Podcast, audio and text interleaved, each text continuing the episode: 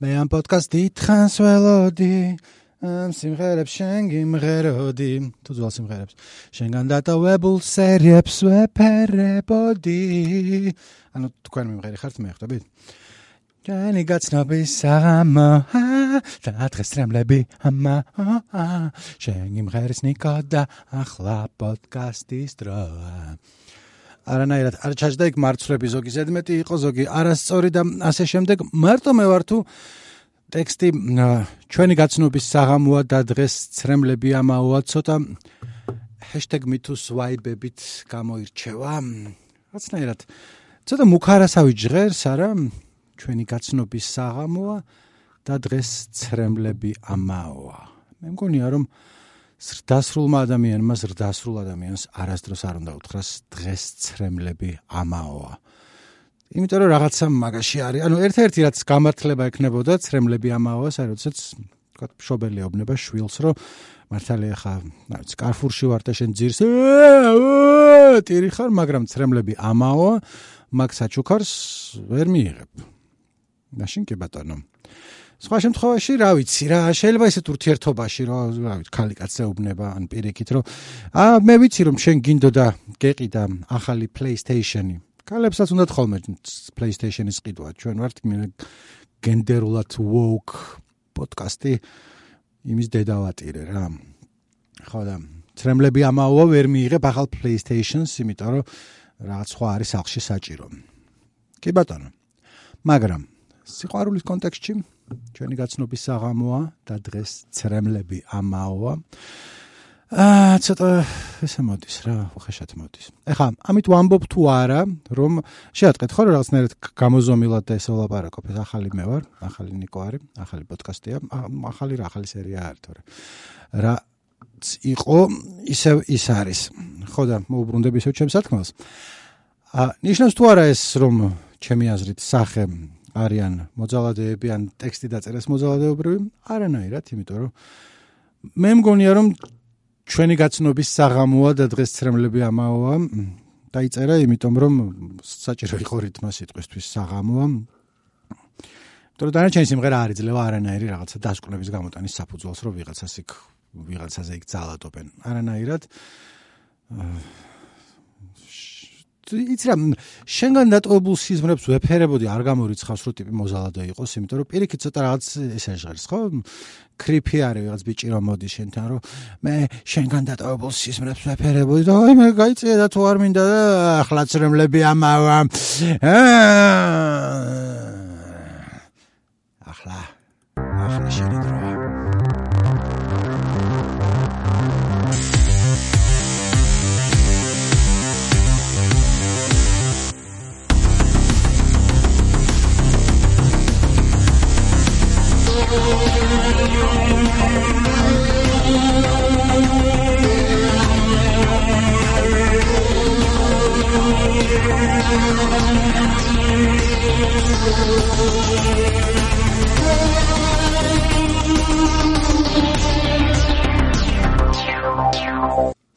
ვიდრე უშუალოდ გადაცემის თემაზე გადავიდოდეთ, რომელსაც მოგახსენებთ ცოტა ხანში.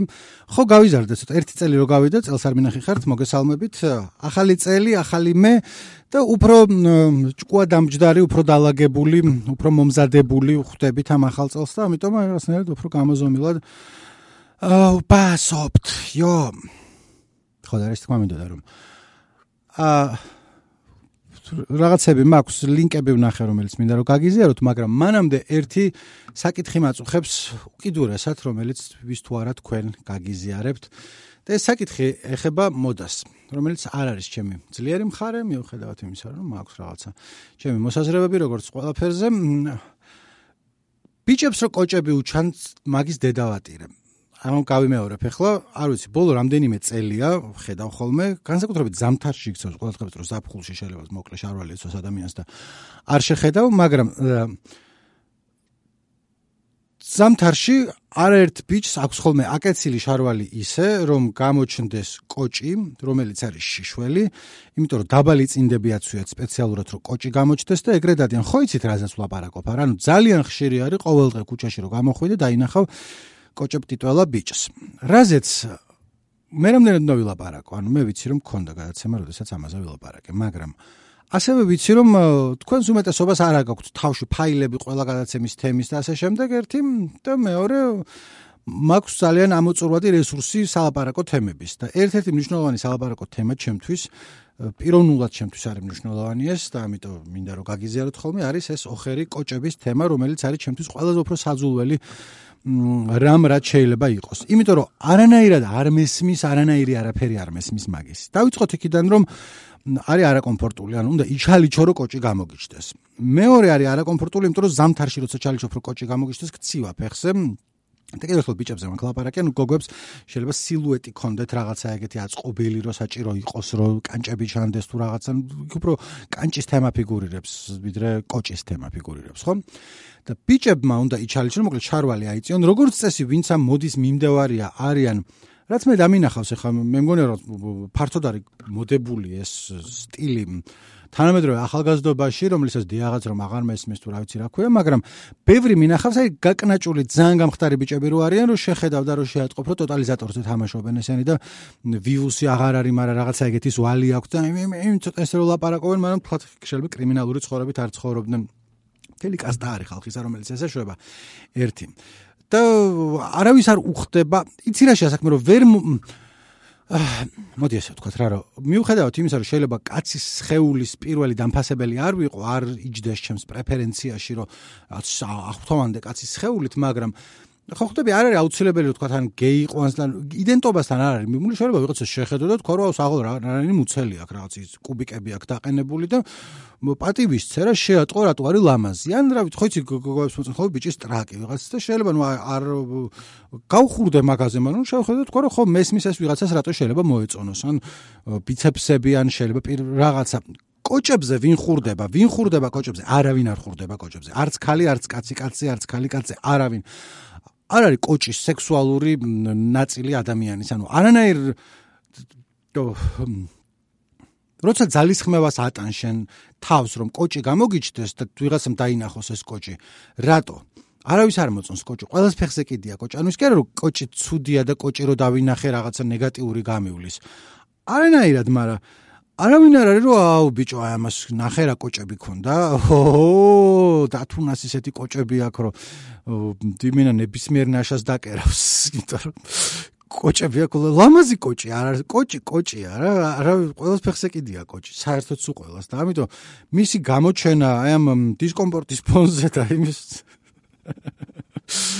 არ ვიცი რა რატო რატო მოვიდა ეგა თან რა არის თქვა აი ხო ხდები თუნდაც ზამთარში აი აკეცილი სახელოები რომ კლავები გამოაჩინო თუ ვიღაცას ახლა ნაკაჩავები მკლავები აქვს და ხო იცი ბიცეფსები და ტრიცეფსები და რა სხვა სხვა ცეფსები იქ სხვა სხვანაირად ფეთქავს და ამობურცულია შეიძლება არ кайფობდე მაგას და თქვა რომ მეტის მეტია მაგრამ მიხვდე რომ ვიღაცებს მოწონთ ანუ არის ხალხი ვინც ერთმანეთს ამ ცეფსებს ადებს და მაგით იღებს სიამოვნებას.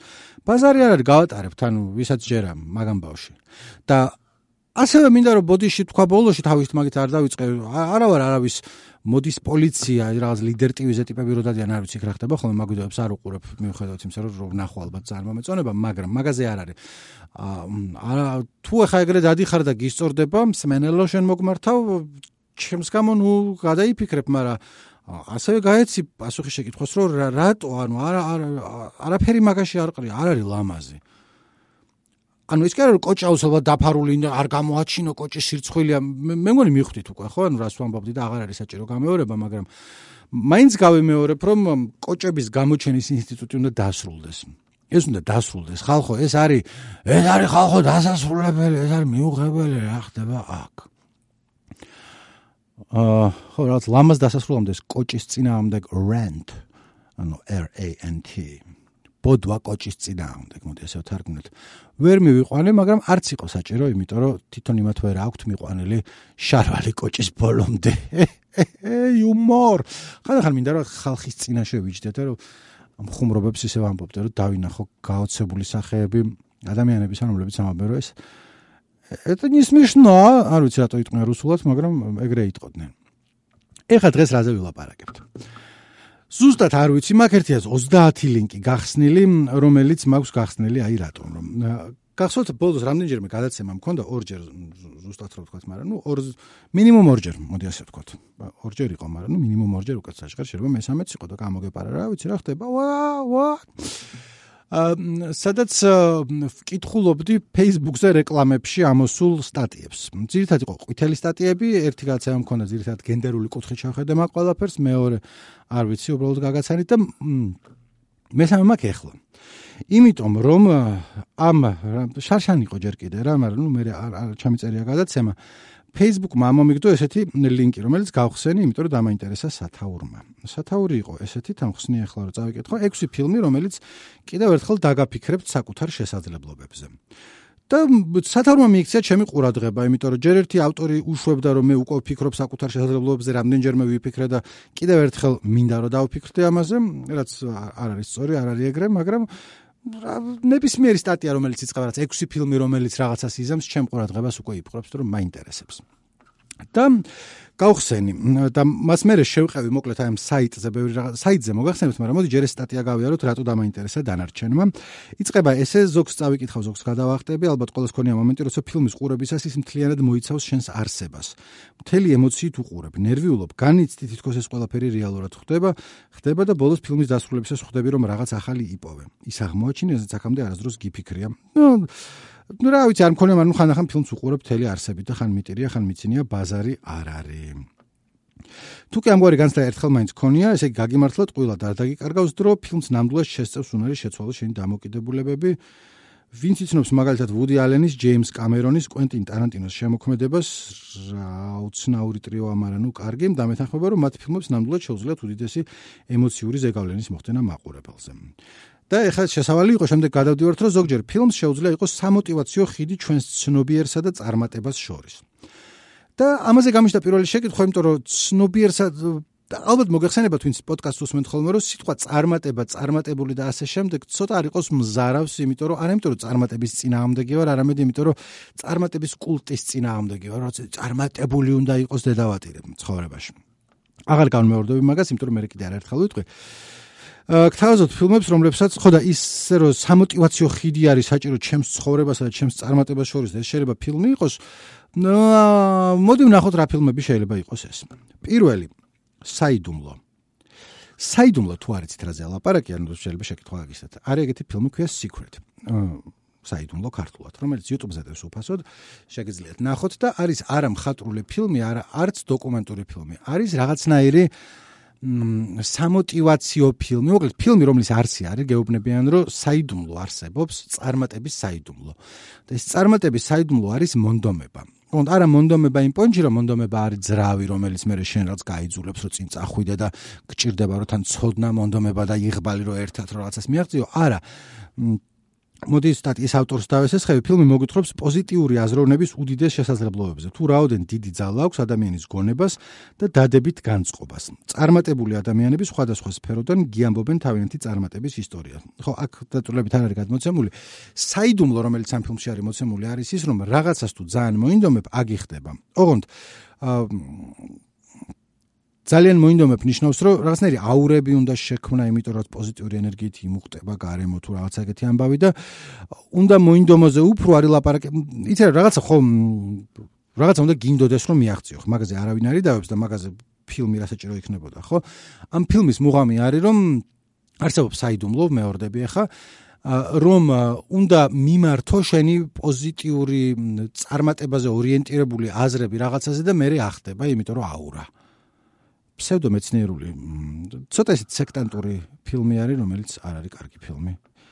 რომელიც ახლა ალბათ გაგიშტათ შეკითხვა, რომ ნიკო გინახავს საიდუმლო და ცხადია რომ არ მინახავს. რა თქმა უნდა, არ მინახავს, მაგრამ მინახავს ფილმი არ ვიცი რამდენია, საათნახევარი, ალბათ მაგაზე მეტი YouTube ვიდეოები, სადაც მაგ ფილმიდან არის ნაწყვეტები მოყვანილი და არის განხილული, იმიტომ რომ ეგრევე ცხოვრობ. მე ეგეთია ჩემი ცხოვრება ძმებო და თუ ვიღაცა მოხვალ თუ აბა რომ გენახა საიდუმლო მაშინ მიხვდებოდი რა საიდუმლო არის მასში?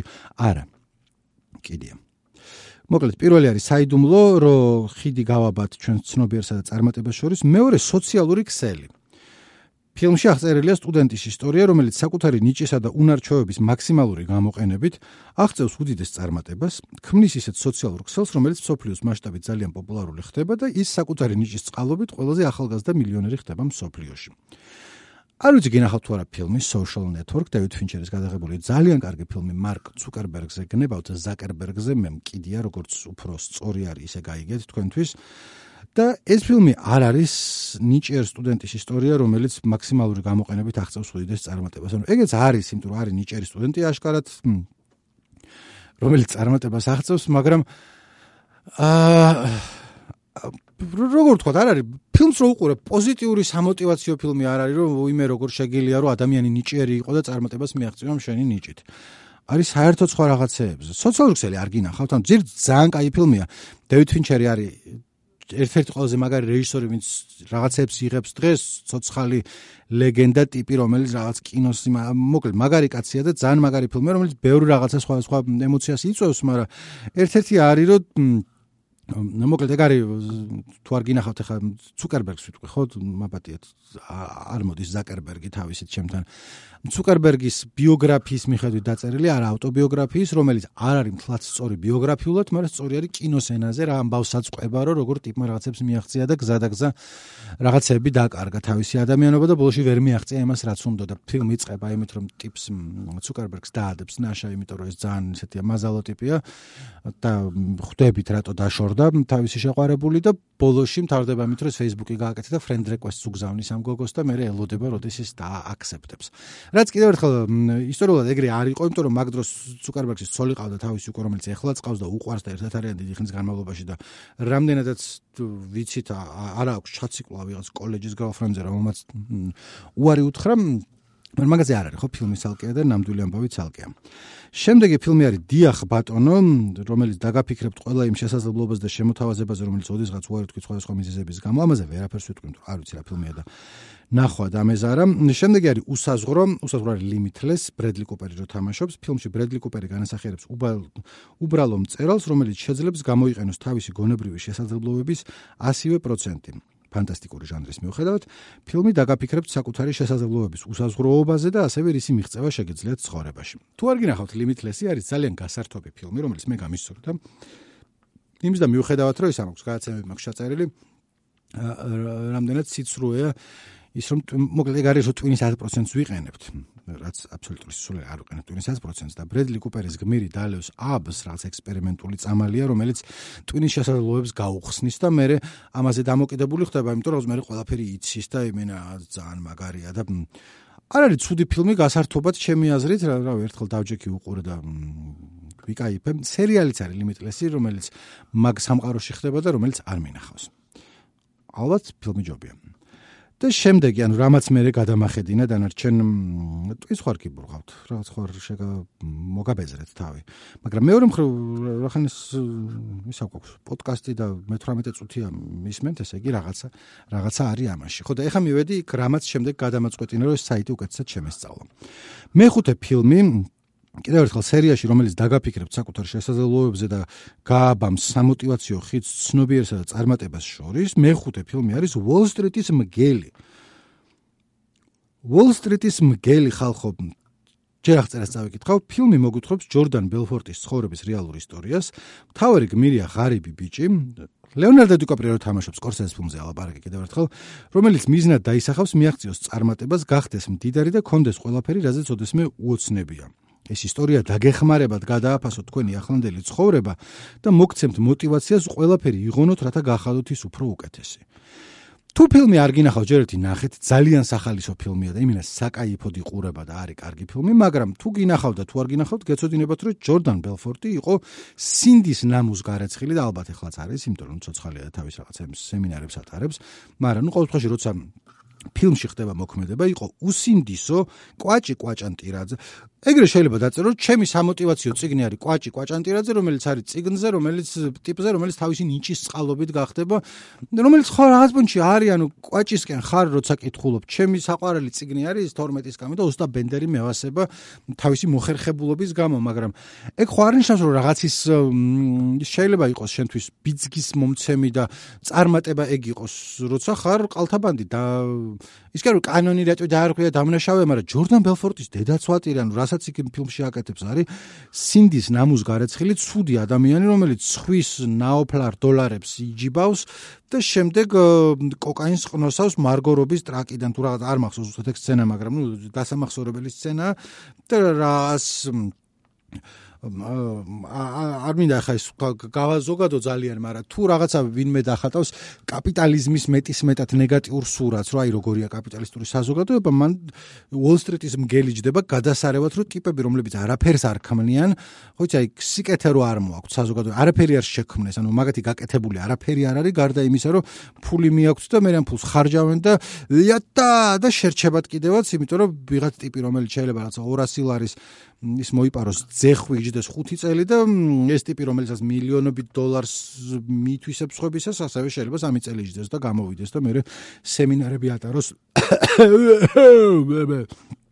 როგორი როგორ გავყიდოთ პასტა თუ რაღაცა ეგეთი Wall Street-ის მგელის დედავატირე ჯორდან ბელფორტის პირადად. ეხლა არ ვამბობ შეიძლება გამოსწორდეთ ეხლა კარგი ადამიანია მაგრამ თან ის კი არა რომ ფილმში ჩანს რო კაი ტიპია კი ფილმი არის დამპლურად არის გადაღებული რომ რო უყურებ თან იცინი თან რაც მაგისკენ ახარ უფრო და სპეციალურად არის ეგრე შაქმნელი სკორსაზეს მიერ რო უყურებ რომ თანამონაწილე იყო ამ რაღაცა ბაკხანალის და ამ რა ბოროტების რომელიც იქ ხდება და ესე გაიგო ხო რა თქმა უნდა ამას ეკუთვნის არანაირ და არ ეკუთვნის. ჯორდან ბელფორტის დედაც ჯეკ. და მეექვსე ფილმი რომელიც გადაგაფასებინებს საკუთარ შესაძლებლობებს არის მებრძოლთა კლუბი დიახ, არ მოგესმათ Fight Club. ფილმი, რომელიც გთავაზობთ უფრო მეტს ვიდრე წარმატების რამდენიმე გაკვეთილია. Taylor Diurenis მიხედვით, Taylor Diureni წერია, ხა მე არ მე არ შემშლია. Taylor Diureni რატო აი რანაირად შეიძლება, რომ Tyler Darden ესე ხა ვნახე პირველად, ესე წერია. ეს ფილმი გათავისუფლებთ თანამედროვე ცხოვრების ტყვეობისა და ბორკილებისგან და გიბიძგებთ მიაღწიოთ წარმატებას. Fight Club-ი Motherfucking Fight Club, რომელიც არის იმენა წარმატების მეორე მხარეს, რაც არის მაგისი ანტონ, რა წარმატებას მიაღწიოთ გიბიძგებს. რანაირად შეიძლება რომ Fight Club-ს უყურო და სათაური როგორ არის დაფიქრდე საკუთარ შესაძლებლობებზე, რომ რამდენი რაღაცა შემილია რომ გავაკეთო. არ არანაირად, ანუ ეგ არ არის სწორი. ხო არ ჭირდება ახსნა, ხო არ ხადაობთ. ხო და როცა ეს სტატია წავიკითხე მე შევხედე მეთქი რა საიტია იმიტომ რომ რაღაც 1000 გაზიარება აქვს დარეკლამებული იყო მაგრამ მაინც. და საიტი ვნახე რომ არის davidkenchadze.ge რაც ეგრევე გიშან შეკითხოს ვინ არის დავით კენჭაძე არ გამიგია .ge აქვს მით უმეტეს და რატო წერს 6 ფილმზე რომელიც კიდევ ერთხელ დაგაფიქრებ საკუთარ შესაძლებლობებზე. ხა მე რო ჩამოდი აღმოჩინო რომ არანაირ დავით კენჭაძე ამას არ წერს და სხვა ვიღაც სტუდენტი როგორც მივხვდი რა შეიძლება სტუდენტი არ იყოს მაგრამ ნუ სხვა არა დავით კენჭაძე არამედ ვიღაცა ვინც ამ საიტზე დაწერს აა რაღაცას ისწერს და შემდეგ აღმოვაჩინე რომ აქ არის უამრავი სტატია. უამრავი სტატია ჟურნალი мотиваცია ქვია. და სტატიები არის დაყოფილი ესე ტოპ წიგნები და ფილმები პოზიტივი მკითხველთა კლუბი წარმატებული ადამიანები კარიერა პერსონალური განვითარება და მეთქი რა ხდება აქ? What's going so i said hey! What's going on? And I said, hey, hey, hey. Oh, ბარსად ვერ გამექცევით. I am inevitable. როგორც თანოსი. და მე მეთქი რა ხდება, ანუ რა რა ბაზარია, რატო არსებობს ეს საიტი და როგორც მივხვდი, ანუ დასკვნა გავაკეთე ესეთ თუმცა შეიძლება ვწდებოდი. დავით კენჭაძე არის კოუჩი, რომელიც იმებს ჩაგიტარებს, კოუჩინგს გაგიკეთებს, რომ შენ შეგიძლია მიაღწიო შენ რაღაც პოზიტივი გჭირდება წარმატებლად და იაზროვნო და გადავედი გვერდზე, რომელიც არის დავით კენჭაძე ვინ არის, თვითონ წერს და არის გამოცდილება, რომელიც 21 პუნქტისგან შედგება, რომელიც იწება რომ იყო მილიარდი ლარის ბრუნვის კომპანიის გენერალური დირექტორი, იყო არ წერია, ეგრე წერია, მაგრამ იყო მე შევისწავლე. სამი კომპანიის რეაბილიტაციის ტოპ მენეჯერი, ვიდეოების 3 მილიონზე მეტი ნახვა. აა ხო და ბლომად ეგეთი რაღაცა უწერია, რომელზეც ხა თავს დავდებ, რომ აა ტექნიკურად არასწორი არც ერთი არ არის. იმის თქმა უნდა, რომ ხან შეიძლება ისე თქვა, რომ იტყუება და ალბათ არც ერთს არ იტყუება, მაგრამ ასევე მგონია რომ ტექნიკურად სწორი რაღაც შეიძლება არ იყოს მაინდა-მაინც სწორი სიმგაგება რომელიც მე მე მესმის ანუ აი რა იგულისხმება რომ მე 15 პუნქტად წერე რომ დავითს პერსონალური კონსულტაცია გაწეული აქვს 75000-ზე მეტი ინდივიდისთვის. რომელიც პერსონალური კონსულტაცია მე მესმის რომ ადამიანი ერთ-ერთზე დაждდა ვიღაცასთან და კონსულტაცია გაუწია ალბათ თქვენც ეგრე გესმით. თუ ეგრე გავიგებთ მე როგორც ხედავ, შანსი არ არის 75000 ინდივიდზე კონსულტაცია რაღაცა ჩავწერე 75000 how many years თუ რაღაცა და 20 წელია. თუ არა 200 წელია, ბოდი 7500-ია 20 წელი. ანუ დღეში რო ერთ ადამიანთან კონსულტაცია გაგევლო 200 წელი დაგჭირდებოდა. რაც არ ვიცი ხა სწორად ვაკეთებ თუ არა 10 ადამიანი დღეში არის 20 წელი? ალბათ რაღაცა ეგრე. მაგრამ ხა კონსულტაცია რო გაუწიო ვიღაცას იმისი რამე ხო უნდა იცოდე. ხო ანუ ფიზიკურად შეუძლებელია რომ ერთ-ერთზე კონსულტაცია გაუწიო ვიღაცას. ეხლა ნახე რა შესაქმე შეიძლება ვინმე თქვას დავით მან ვიღაცამ რომ იცი რა პერსონალური კონსულტაცია ვიგულისხმე რომ მე ვიყავი ოთახში იქ იყო 100 ადამიანი და ზოგმა შეკითხვა დასვა და გავეცი პასუხი და ესე იყო და რაღაცნაირად შეიძლება 75000-ზე მეტი მოგროვდეს მაგრამ მოდი ასე ვიტყვი რა რომ ჩემი აზრით შეუძლებელია რომ 75000 ხარისხიანი კონსულტაცია გაუწიო ვინმეს. არა თქვათ მაინდა-მაინც დავით კენჭაძისთვის ან ნიკონ ერგაძისთვის ვერავინ ვერ იზმ მაგდენი დრო არ არსებობს, იმიტომ რომ ადამიანს რაღაცა რო ურჩიო იმ ადამიანზე რაღაცა უნდა იცოდე. სხვათა შორის ამას წინათ გამიჩნდა ესეთი შეკითხვა Wall Street-ის მგელი თუ გაქვთ ნახე ფილმი არის ეგეთი ახლა ველაპარაკე ორი წუთის წინ მაგაზე ბოლოში მთავრდება ესე, რომ ჯორდან ბელფორტი მთავარი გმირი ვინც არის, ვინც არის Wall Street-ის გმირი, ციხიდან გამოდის და ატარებს სემინარებს. და ტიპ ჯიბიდან ამოიღებს პასტას და იცი როგორ არის გაკეთებული, რომ თავიდან გარედან უყურებ ჯორდან ბელფორტს და ამ დროს როცა ამოიღებს ჯიბიდან პასტას და აბა მომყიდე ეს პასტა, როგორ უნდა მომყიდო. ამ დროს კამერა ბრუნდება და შენ გელაპარაკება და მე ხვდები რომ შენს თანამონაწილე იყავი ამ ჯორდან ბელფორტის დანაშაულებისა ასე ვთქვა და მე ყველა ეს აი პასტა აიყიდა თუ რა გამიშთა შეკითხვა როგორ უნდა მიყიდო პასტა. ერთი რედიტზე ვნახე ვიღაც ტიპის საინტერესო ის ხონდა ვითარება ასახულის პასტა გჭირდება რომ რაღაცა კონტრაქტს მოაწირო ხელი, მაგრამ მე YouTube-ზე ჩავწერე და თავად ჯორდან ბელფორტს ეკითხება CNN-ზე ვიღაცან სტუმრად იყო მისული და ტიპი ეკითხება რომ პასტა მომყიდეო, მასწავლეო, როგორ უნდა გააკეთეო და ჯორდან ბელფორტი ყვება რომ არ არისო ეგრეო რა პირველ რიგში უნდა დაუსვა შეკითხვებიო რომ პასტის ყიდვა გინდა ანუ როგორი პასტები გირჩევნია რომ ადამიანს რო პასტა მიიყიდო უნდა იცოდე იმ ადამიანს ჯერთი პასტა უნდა თუ არა საერთოდ და მეორე რა რა ადამიანის შესახებ რამე უნდა იცოდე იმის რომ რაღაცა მიიყიდო იმიტომ რომ შეიძლება თავიდანვე დაუსვა შეკითხვა რომ რომელ პასტას იყენებ და ეს გეტყვის რომ არასდროს პასტა არ გამიყენებია წერა არ ვიცი კომპიუტერზე ვზივარ დღე და ღამე კლავიშებით და იმას პასტას ვერ მიყიდიო ისეთი იყო ხარ ვა გონება გამინათდა და საღოლ ჯორდან ბაზარი არ არის მაგრამ ლოგიკური არის. რომ კითხვას რომელსაც გისვამე რომ აბა როგორ უნდა მომყიდო ეს პასტა? პასუხი არის რომ პასტას ვერ მომყიდი სანამ მე არ მკითხავ რაღაცებს რა მინდა და რა მაინტერესებს და რა შეიძლება მინდოდეს. ეხა ეს რატო დავიწყე რომ არანაირად გავწევ კონსულტაციას ტიპს რომლის შესახებაც არაფერი არ იცი დანარჩენი ხარაც ვნახე ანუ რაღაცები გადაჭარბებული კი არა რაღაც დროს იყო თუ არ ვწდები მეათე პუნქტი არის მილიარდი დოლარის მქონე ბრუნვის კომპანია გაიზარდა 1634%-ით დავითის მართლობის პერიოდში. და მე CV-ს გადავხედე და რაღაც დროს იყო მე მგონი TBC Pay-ზე ლაპარაკი, იმიტომ რომ მანამდე იყო Elite Electronics-ის ერთ-ერთი ტოპ მენეჯერი და შემდეგ იყო TBC Pay-ის თვალსწრაფი აღმასრულებელი დირექტორი, ანუ მაგის უფროსი იყო მთლად და ანერცია ლაპარაკი, ან მეორე მე მგონი TBC Pay-ზე. რაც ხო ანუ გამოცდილება აქტივს აშკარად და აქვე მინდა ვახსენო რომ ბოლოში რო არ გადავიდო რომ მე გადავიდა მაგის ვიდეოებს უყურე და რაღაც რამდენიმე სტუმრობა სხვა სხვა გადაცემაში და დღეს რო შტაბეჭლება დაგჭირს ადამიანზე რომელზეც მე რომ და ილაპარაკო უკიდურესაც ასე ამონო შტაბეჭლებას ტოვებს ანუ მიუხედავად იმისა რომ დანარჩენი ხარ რაც აქ წერია ჩემი აზრით მოკლედ მე არ მომწონს და არ არ ეთანხმები, მაგრამ ხო პიროვნულად ალბათ ოთახში რო იყოს ჩვენთან ერთად რაღაცა გელაპარაკოს, გაგისწორდებოდა, იმიტომ რომ საინტერესო რაღაცებს ამბობდა. ერთი რაც ვნახე როგორ უნდა მოექცე თანამშრომლებს. მაგის ჩაწერილი ვიდეო იყო რომელიც ნუ არაფერი საკამათო არ გექნებოდა რომ უნდა მიუდგე ისე რომ ეს თანამშრომელი არის შენი პარტნიორი და ერთად უნდა აკეთოთ ის საქმე ბაზარი არ არის ხო.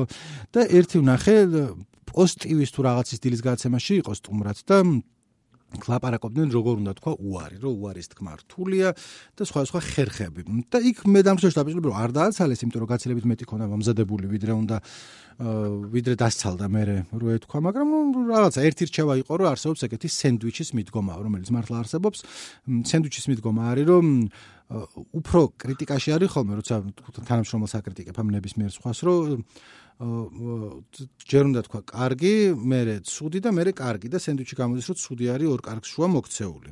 და უარის დროსაც ეგრე შეგიძლია თქვა, ანუ ეს ხა მე გადავიყვანე კრიტიკაზე არ ვთქვამს იმას, მაგრამ რო რაღაცა უარი რო უთხრა ჯერ კარგს ეუბნები რომ აი ვიზამდი მაგ იმიტომ რომ შენ ხარ ჩემი საკუთო მეგობარი, ვერ ვიზამ ამას, მაგრამ სხვა დროს აუცილებლად რაღაცა ეგრე რო შეფუთო, რომელიც შენ უფრო ადვილად.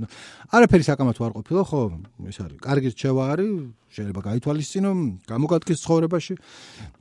და ამებს რატო ამბობდი? აა ხო, იმიტომ რომ ხა ვიყავი და ხო იცი ადამიანის გამოცდილებას რო ჩამოყვები და ის არ მგონია რომ ექნა იმას ვერ იზამდა და ამავე დროს კარგიც უნდა თქვა სენდვიჩის ამბავში ხა პირიქით გამოდის რომ მანამდე უარეს ამბდი ხა უკეთეს, მაგრამ ნუ არის ადამიანი რომელსაც რაღაცა მნიშვნელოვანი თანამდებობები ეკავა, შეიძლება ეხაც უჭირავს, არ ვიცი, იმიტომ ამბობს რომ ხა რაღაც DC Capital-ის გენერალური დირექტორი, რომელიც ბევრ კარგ რაღაცას აკეთებს და უამრავი ბრუნვა აქვს, მილიარდი ლარის შეიძლება, არ ვიცი, DC Capital არ გამიგია, შეიძლება ქონების საინვესტიციო ბაზარზე არის ლიდერი და ყველამ კარგად იცის მაგის შესახებ, საიტი მაგათი არ მომეწონა, გადავედი, იმიტომ რომ რა ვიცი, რატო გადავედი DC Capital-ის საიტზე, მაგრამ ნუ, რა ვიცი, სხვა დროს უკეთეს საიტი გააკეთონ.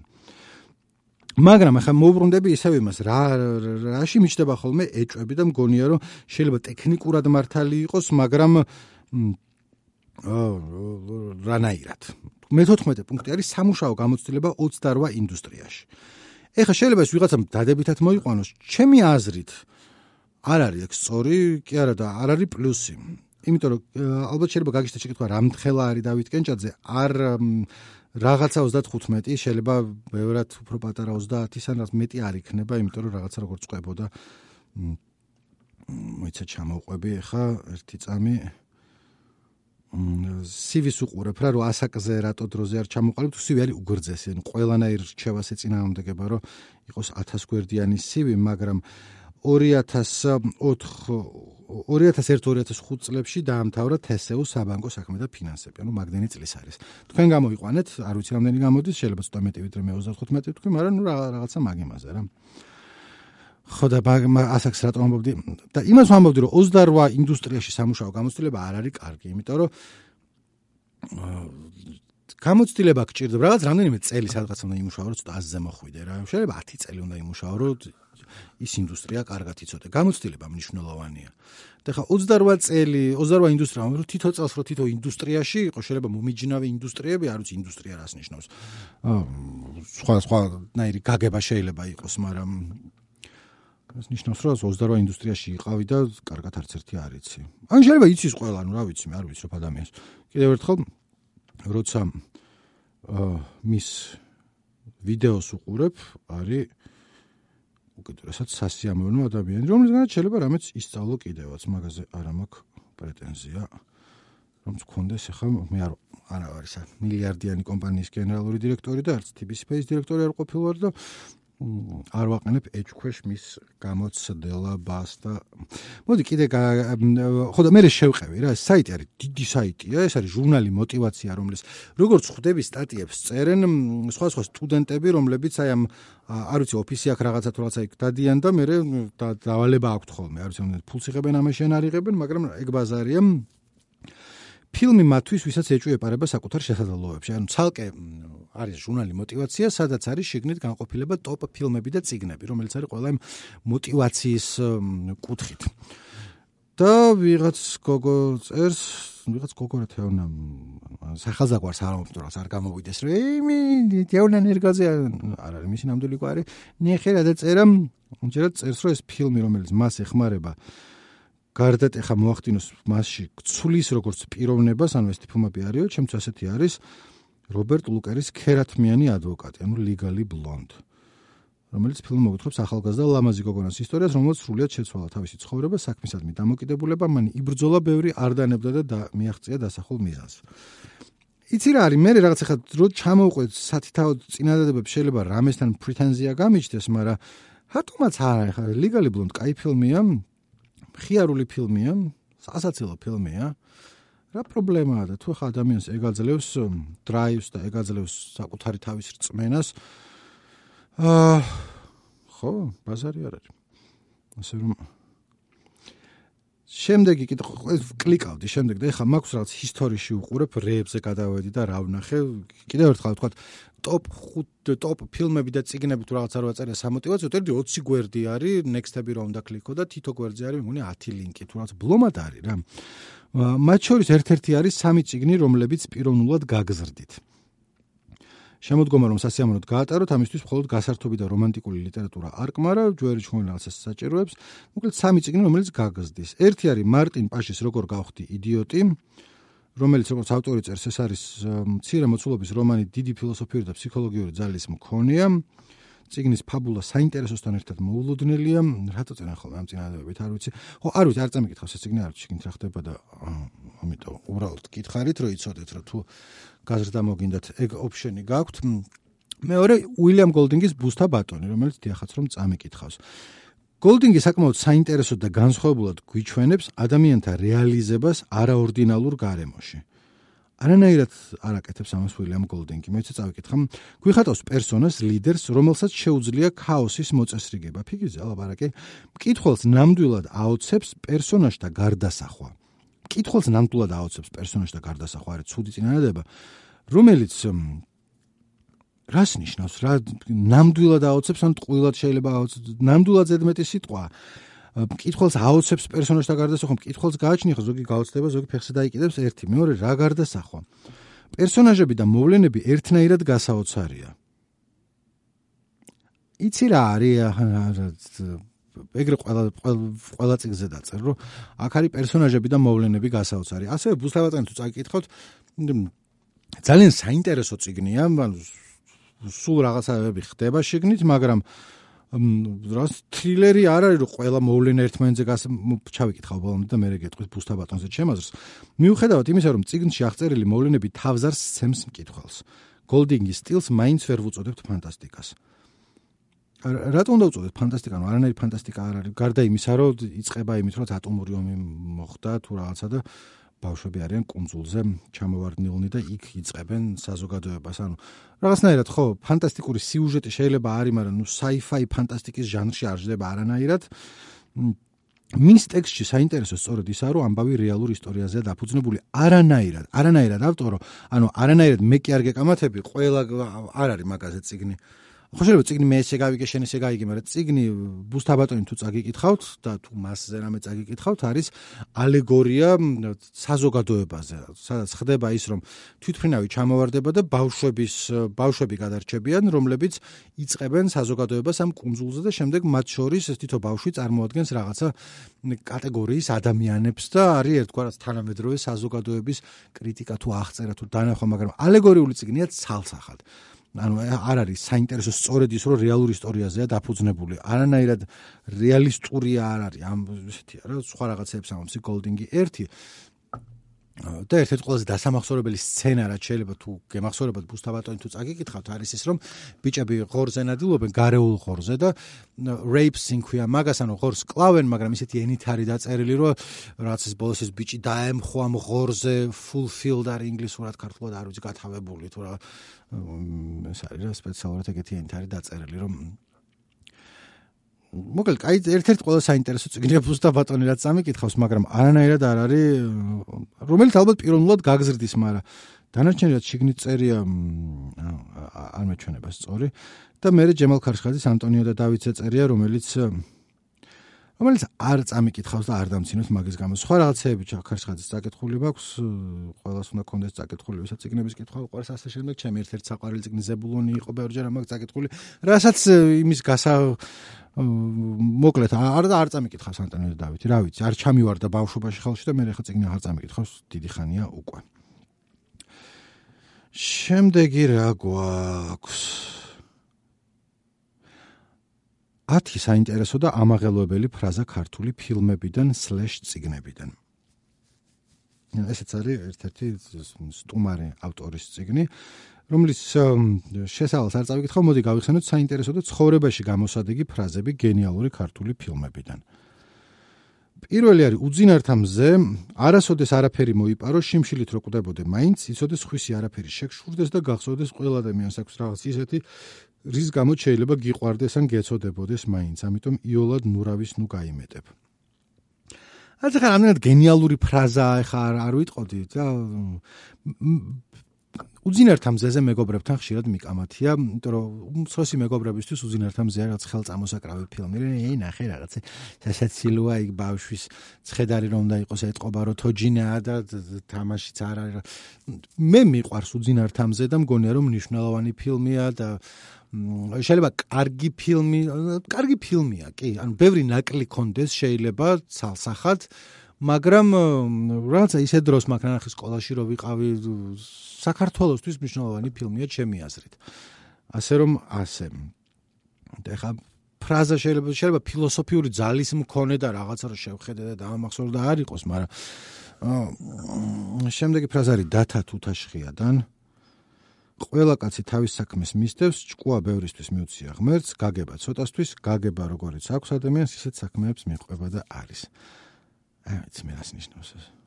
დათათაშია მიყვარს ციგნი ფილმი არ მიყვარს მგონია რომ არის და ბოდიში ყველასთან მაგრამ არ მგონია რომ კარგი ეკრანიზაციაა ჩემი ეს ბევრად ღრმა ციგნია და მრავალწახნაგოვანი და ხო ციგნის ეკრანიზაცია ზოგადად რთულია მაგრამ არაერთხელ მithქვამს ეს აი აქაც პოდკასტშიც მithქვამს და ისედაც სულ ლაპარაკობ ხოლმე აი რაღაც გადაწყვეტილებები არ მესმის. სერიალმა რაც მიიღო რა დათათუთაშხია მაგალითად ის რომ რატო არის ორი სხვა სხვა მსახიობი დათათუთაშხია და მუშნი ზარანდია სერიოზულად არ მესმის რომ ციგნის მთელი მთელი არსი არ არის მაგრამ ნახევარი ციგნის მუღამია რომ დათაც თვაშხა და მუშნის არანდია ერთი და იგივე ადამიანის ორი მხარეა. რომელსაც ჭაბუ ამირეჯიბი ხა ლამის ყურში მეტი ღიად რანაირად დაწეროს ტიპი წერს რა ყოველ 10 სცენარო ერთმანეთში ეშლება და გაჭრილი ვაშლივით გვანან ერთმანეთს და ერთი რომ მოკვდება მეორეც მოკვდება იმიტომ რომ ცხოვრების აზრი დაკარგა და რაღაცა როგორ შეიძლება რომ რუსულად ქვია თუ არ ვთქვი დრუგიებერგა თუ რაზნეებერგა რომელიღაცა მაგორიდან რომ ორმა ერთი და იგივე ადამიანმა პრინციპში მუშნის არამდენად ათოშხემ სხვადასხვა გზა რო აირჩია და ცოტა მორალში რო ათდენა აქვს ერთი იყოს რაღაცნაირი ქრისტე და მეორე რაღაცნაირი იუდა შეიძლება ეგრე გავიგოთ ხარ არ ლიტერატურად მწოდნე და შეიძლება ან გაბაზრებულ რამეს ვამბობდი ან სასაცილოს ან არ ვიყო მართალი, მაგრამ რანაირად არ უნდა ვიყო მართალი, ხა წიგნი წაკითხული მაქვს და ნახევარი წიგნი არის იმაზე ლაპარაკი, როგორ ერთი ადამიანის ორი მხარე არის ეს და კი წიგში სხვა სხვა ადამიანები არიან, მაგრამ ფილმში ხა არ გვანან ძალიან მუშნის არანდია და დათათოშხე ერთმანეთს და წიგში ყსულაშლებათ ერთმანეთს, ერთი მეორე გონიათ, მეორე პირველი შემდეგი ფრაზა ყველაზე დიდი გამოგონება ქვეყანაზე ანბანი ჰიმნი და დროშა რადგან სამთავე თავისუფლების სათავეა თეთრი ბაირაღები. ამას საერთოდ არ ვეთანხმები. არანაირად. კონტექსტი არ მახსოვს თეთრი ბაირაღები მაქვს ადრე წაკითხული. ძალიან ადრე და არც მახსოვს წესიერად. ასე რომ არაფერს მაგაზე არ ვიტყვი ერთი მაგრამ რო კითხოს ადამიანმა რომელია ყველაზე დიდი გამოგონება ქვეყანაზე რო თქვა რომ ანბანი ჰიმნი და დროშა ჰიმნის garaშე გავძლებ 100 წელი რა დროშის garaშეც ანბანი ხა მნიშვნელოვანია მაგრამ მე მგონი რომ თავისუფლების სათავე დროშაზე უფრო შეიძლება სხვა რაღაცეები იყოს.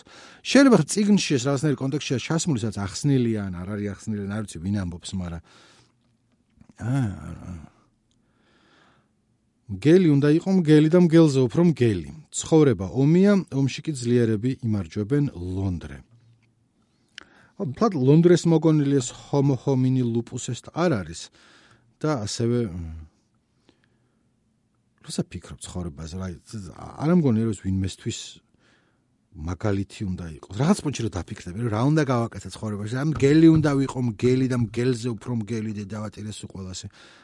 არ მინდა ეს ცხოვრება. ხანდახან უნდა გაადრაკო ალბათ, მაგრამ მთელი სულ რომ გელი უნდა იყო, ის ხო არა ვარ. საშა სევერნი. საშა სევერნიზე არ მომიყოლია თქვენთვის. ეხა გადავუხო და მადლობა თქვით რომ არ გიყვებით მთლიან ისტორიას. კანონიერი ქურდი საშა სევერნის რომლის სახელიც გავიგე იქიდან რომ შემთხვევით YouTube-მა ამომიგდო. არ ვიცი რატო ჩათვალა რომ დამაინტერესებდა მაგრამ იცოდა იმიტომ რომ ჩავრთე და უყურე. არის რუსული მხატვრული ფილმი მიხეილ ერქვა კრუგს მომღერალს. პუტკუნა ულაშებიანი ტიპი რა იყო ქურდულ სიმღერებს რომ ღეროდა რომელიც რომა მოკლეს და მხატვრული ფილმია მაგაზე სადაც შედის ზონაზე და იწყებს რაღაცა სიმღერის მღერას კოლშიკ და თავიდან კრაც ზონაზე ტიპების ხედან და ტიკტო ტაკაი შალობა შალობა იძე ხვაფუი აქედან რაღაცა. ქურდული იმითი ალაპარაკებიან რა და მე ერთი ეთქება და დავაი შარი ხუი ნან დაუკარიო რა ჩემი სიტყვებით. ნის ნი პანრავიც სამიწიბა ხა ხუჩი. და მე ეს დაუკრავს ამ სიმღერას და გზაში ესენოც გაფრთხდებიან ყველასთან ეს მოვა ეს სიმღერა სხვანაირად ხო იცი პორორო პო პო პო ქურდული რუსული სიმღერა რა ზე კოლშიკ мама я тебя мама тебя уважаю но на этапе я погибаю საერთოდ ეს ტექსტი მაგრამ ეს არის რა და პრომორჩება სიმღერა ერთი ტიპი ყველაზე უფრო ნაცემი დაშრამული სახით.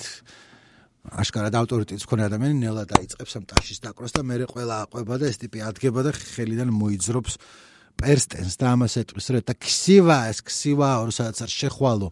ყველგან უპატივით დაგხვდებიან ოღონდ ერთი სამაქო რა შენთანო. თხოვნავ რომ სიმღერები ყველასთვის სიმღერეო რომ იცოდნენ რომ აქო ზონაზეო ხალხი ცხოვრობთ თუ რაღაც და მეთქი ვა ე რა ხდება ესა და კიდევ ერთხელ ანუ ეხა ვიცი მიხეილ კრუგი ვინ არის მაგრამ მაშინ არ ვიცოდი. სახელი გაგონილი თავით გქონდა მაგრამ არ ვიცი ვინ არის მეთქი ვინ არის ესა რა ხდება მე გადავედი და მე აღმოაჩინე რომ იმ სიმღერას მღერეს ნანი ვაგზალ რა ვაგზალ არის? ეხა დამავიწყდა მაინა მაინც როცა აა ფაკ ბოდიში რომ ეხა სასტრაფო იმიტომ რომ ვიცი თქვენ იცით რა ვაგზალ არის. ვეწერ სევერნი. ვაგზალ ჩავწეროთ მე ვიგზალ ჩავწერე აა მომეჭრა თავი. ვლადიმირსკენ ცენტრალ ხა. კიდე კაი მე ვიცი რომ თავიდან ვეიცოდი და მიგრძნია ეგ როდესაც ტიპი ლაპარაკობს და რაღაცა ელემენტარული ავიწყდება და გინდა რომ აქედან დაეხმარო ვლადიმირსკი ცენტრალ ბიჭო რა გჭირს? ხოდა ახლა ვიკიპედიის ინფორმაციით ეს ეწერა რომ ვლადიმირსკი ცენტრალ გაგიათ ალბათ ერთ-ერთი ყველაზე ცნობილი ბოლო დროის ესეთი ბლატნოის სიმღერა. ვლადიმირსკი ცენტრალ ვეწერ სევერნი ვლადიმირსკი ცენტრალ სლანიმერენა რამდენჯერმე მოვისმინე სხვა სხვა კლიპზე YouTube-ზე.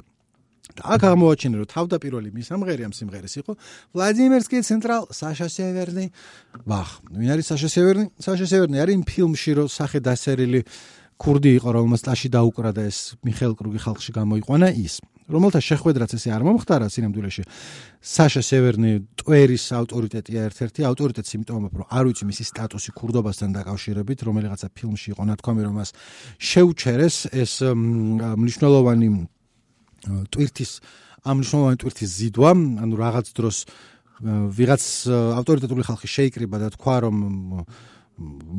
ასაკს მიტანებული საშა სევერნი იქნებოდა სტატუს შეჩერებული ქურდი, თუმცა იქვე იყო აღნიშნული რომ ამ გადაწყვეტილებასთან დაკავშირებით მალიავა მალავა არ დაგზავნილა ციხეებში და რაც როგორც მივხვდი იმას ნიშნავს რომ მართალია რაღაცა ინტრიგები საშა სევერნიმ ანუ ქურდების მაღალჩინოს ან ქურდებს შორის წააგო მაგრამ ამავე დროს შეინარჩუნა საკმარისი ავტორიტეტი იმისთვის, რომ მერე ფეხებით არ შემდგარიყვნენ, ან ვერ მოერივნენ, იმიტომ რომ ჯერ კიდევ ინარჩუნებდა ძალიან ბევრ იმას და როგორც ხვდებით, დღემდე ცოცხალია ისა, ყოველთვის რაც ვიდეო რომელსაც უყურე რამდენიმე წლის წინანდელი იყო და ცოცხალი იყო, კარგად იყო. ეს თამბეჭდავი შესახედაობის ადამიანია, სახეზე ნაიარევებით, მოგონეთ 30 წელი იჯდა ციხეებში და სულ შავი სათვალე უკეთია, იმიტომ რომ ზის შუქით კენსი, იმიტომ რომ მაძინოჩკაში თუ სადღაცა იჯდა და მანქანა რაღაცა ჯიპი ნომრებით ვორ ვ რაღაცა რაღაცა ორ და ნუ მაგ ცხოვრებით ცხოვრობს და დღემდე მიუხედავად იმისა რომ არ ვიცი მე არ მინდა რომ პასუხი მომთხოვოს არა მაქვს ზუსტი ინფორმაცია მის სტატუსთან დაკავშირებით მაგრამ ასევე რამდენადაც YouTube-ის ვიდეო მითხრა კლავინდებურად სარგებლობს იმ სამყაროს პატივისცემით და ხშირად იღებს სტუმრებს და აძლევს რჩევებს და მოკლედ ჩართულია მაგამ ბავში როგორ მოვედი აქ დეფ? რანაირად მოხვდი? საშა სევერნისთან ომი ომში და ომში კეძლიერები იმარჯვებენ. ჰომო ჰომინი ლუპუს ესტ არ მახსოვს. ალბათ თქვენ გახსოვთ მაგრამ ერთო ჩემო. სლანიმერენ ხო, სად ვიყავით? სამოტივაციო ფრაზები ქართული ფილმებიდან და წიგნებიდან. ხო და არა, საშა სევერნიზე რომ მოbrundet, მე ორი ცალი ფილმი ვნახე YouTube-ზე მისი ბიოგრაფია, სადაც რაღაც ამბები იყო მოყოლილი და მე მეხვდი რომ საინტერესოა, რომ მე ინტერესით უყურე და მე სამსახურში თანამშრომლებს უზიარებდი და უცებ ხალხი შემოიკრიბა და ყველა საშა სევერნიზე მისმენ და ასე რომ არ არის გამორიცხული რომ ერთხელ მათზე მოგიყვეთ. თუმცა ასევე მერიდება ხოლმე რომ შეიძლება ცოდნი ადამიანმა მოისმინოს და დამცინოს, იმიტომ რომ არაერთი მაგ სამყაროს დამფასებელი მსმენელი ყავს. ვიცი რომ მსმენელების უმეტესობა ქურდებში ერკვევა მაგის თქმა მინდოდა ჩემზე უკეთესად. ფესვებიდან არის ფრაზა ესეთი არ გაბედოს სიკვდილი სანამ ცოცხალი ხარ. whatever, კაირა. ფესვებზე მიტირია მე ბოლოში. ვის არ გვიტირია ფესვებზე ბოლოში, მაგრამ არ გაბედოს სიკვდილი სანამ ცოცხალი ხარ. არაფერში არ მეხმარება. ნატრის ხიდან არის რაღაც ფრაზა ყოველ სამკაცში 4 მტერია. მონანიება. ასევე აა აა რა სამკაცში 4 მტერია? რა გინდა. ვისი ფრაზა აჯერ ერთი? იმისი აქვია მონანიება შეერცული კაცია. ბერიას როკავს და სტალინი როა და ბოლოსში დიდოსტატის მარჯვენა.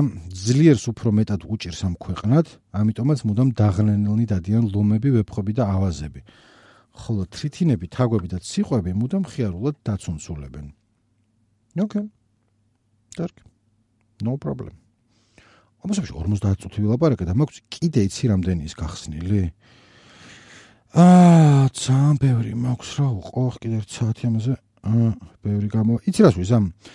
თუ დაინტერესდით, მაქვს კიდევ აა პოზიტივზე არაერთი ლინკი. ადამიანი პოზიტივი, იპოვეთ თქვენი პოზიტივი, როგორ მოხდეთ ჰავაიზე. გაინტერესებთ რაც განსხვავებაა წარმატებულ და წარუმატებელ ადამიანებს შორის. იღბალი თუ მონდომება. როგორ გავხადოთ ყოველი დღე უკეთესი? აი ეს ლინკები მაქვს რომელიც არც გამიხსნია. უბრალოდ გახსნილი მაქვს საკითხული მაქვს მაგრამ ვერ მოვასწარე რომ თქვენთვის გამეზიარებინა. თუ ვაიმე სიმღერები შუაში რამდენი რომ ვერაფერი ვერ მოვასწარე გადავყევი ამ საშა სევერნიზე ლაპარაკს. თუ გინდათ რომ გავაგრძელოთ ეხა ამას დავდებ. შემდეგ გაგიზიარებთ Facebook-ზე და ის ქენით. ბა კომენტარში მიმიწერეთ გვინდა. მაგრამ ეს სიმღერას არ გავუშვებ, ხომ თუ არ გავაფუჭებ და ასევე გვინდა მიაწერეთ იმაზე, რომ ერთ-ერთი საუკეთესო სიმღერა, რაც ყველაზე უფრო პოზიტიური სიმღერა, რაც მე ვიცი და რაც ხელს მიწყობს ხოლმე, რომ წარმატებული ვიყო და პოზიტიურად დავმოხტო დღე. მაგასაც მოგესმენინებთ. მაშასე რა უნდა გავაკეთოთ? Facebook-ის ლინკის ქვეშ დაწერეთ გვინდა. აა